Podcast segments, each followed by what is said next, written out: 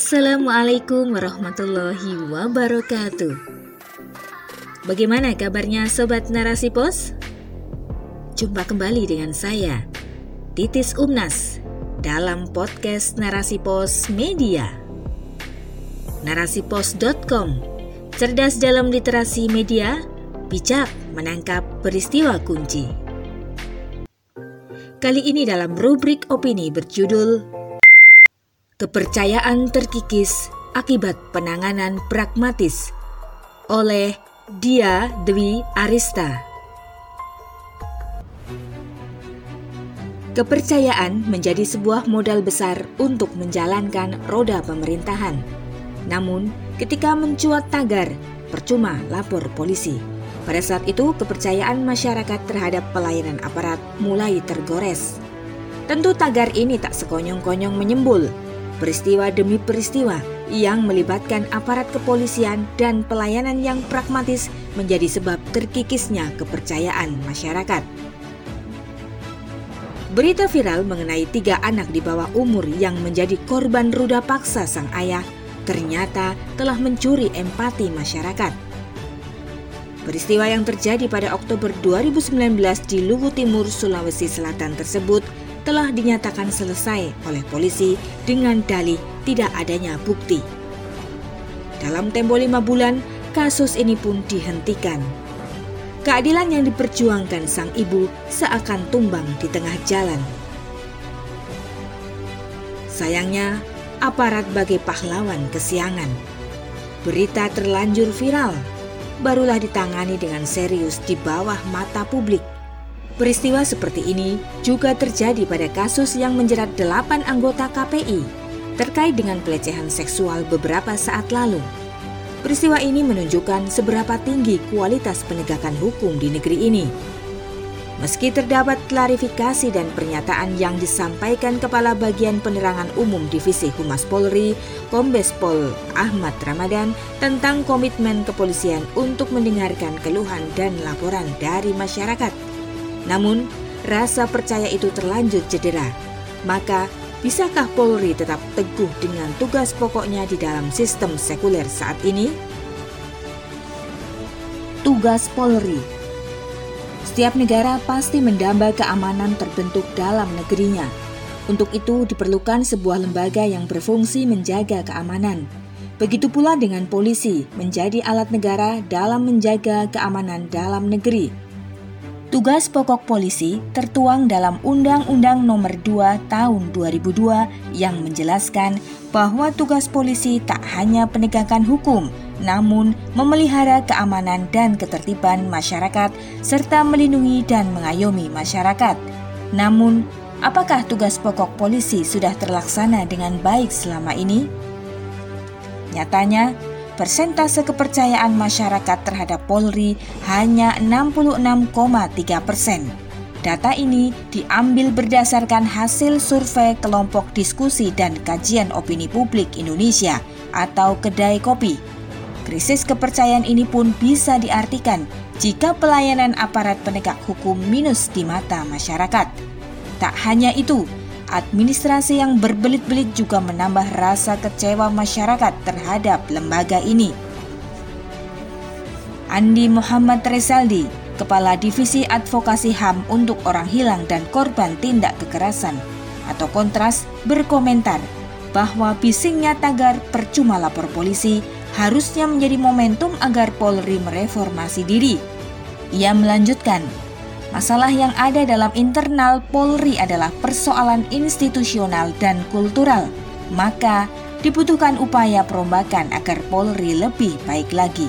Nasional.kompas.com 11 Oktober 2021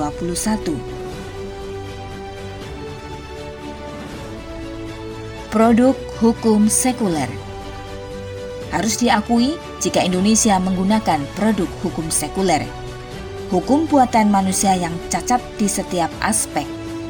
Undang-undang yang menjadi patokan hukum pun acap kali berubah sesuai kepentingan manusia.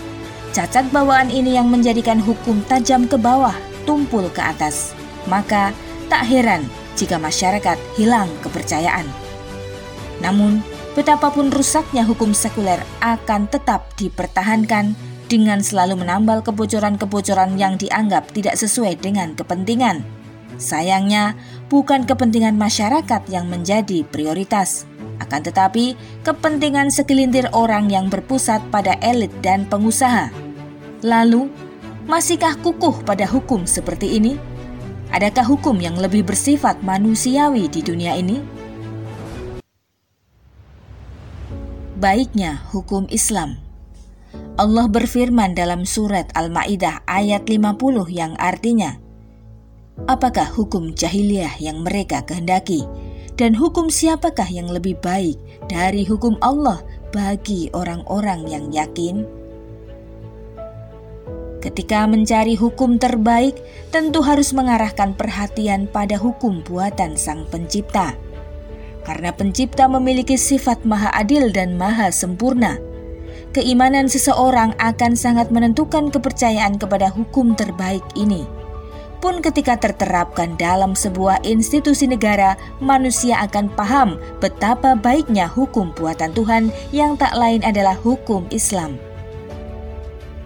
Hukum Islam muncul sejak diangkatnya Muhammad menjadi nabi terakhir kitab suci Al-Quran yang turun berangsur-angsur membawa hukum-hukum Islam hadir ke bumi. Hukum ini memperlihatkan kebaikannya tatkala diterapkan pertama kali di Madinah yang dipimpin langsung oleh Nabi Muhammad Sallallahu Alaihi Wasallam. Dengan patokan yang jelas, menjadikan hukum ini langgeng hingga 1300 tahun lamanya. Tak terhitung kejayaan yang diraih negara Islam ketika menerapkan hukum Allah. Bahkan, kejayaan tersebut tak hanya dari segi ekonomi semata, namun dalam semua segi kehidupan. Hukum inilah yang kemudian berhasil membawa negara Islam menjadi negara adidaya selama berabad-abad. Negara ini disebut dengan khilafah. Keadilan hukum Islam akan dirasakan oleh semua individu, bukan hanya segelintir orang. Semenjak seseorang mendeklarasikan menjadi warga khilafah, maka ia mempunyai hak yang sama tanpa melihat agama, ras, dan bangsa, apalagi melihat kekayaan. Dalam hal keamanan, negara akan membentuk setiap individu untuk bertakwa kepada Allah Subhanahu wa taala, menjadikan ia selalu merokobah, merasa diawasi oleh Allah Subhanahu wa taala, hingga ia enggan dan mengharamkan dirinya jatuh ke lubang kemaksiatan. Begitu pula dengan seorang polisi atau syurtoh, ia akan menjalankan amanahnya dengan sungguh-sungguh karena dorongan keimanan dan ketakwaan yang melekat pada dirinya. Namun ternyata keimanan dan ketakwaan individu tak cukup mengantarkan keadilan menyeluruh bagi setiap penduduk. Akan tetapi harus didukung oleh sebuah institusi jika hukum di negara tersebut baik, maka hasilnya akan baik pula. Karena hukum menjadi pusat pergerakan nadi-nadi lembaga negara, baik itu keamanan, politik, maupun ekonomi. Hukum inilah yang akan menjadi payung bagi seluruh elemen kenegaraan. Maka wajib sebuah negara menerapkan hukum yang sempurna, dan tentu hukum tersebut adalah hukum Islam yang diturunkan Allah yang Maha Sempurna. Hal ini berbeda dengan hukum sekuler.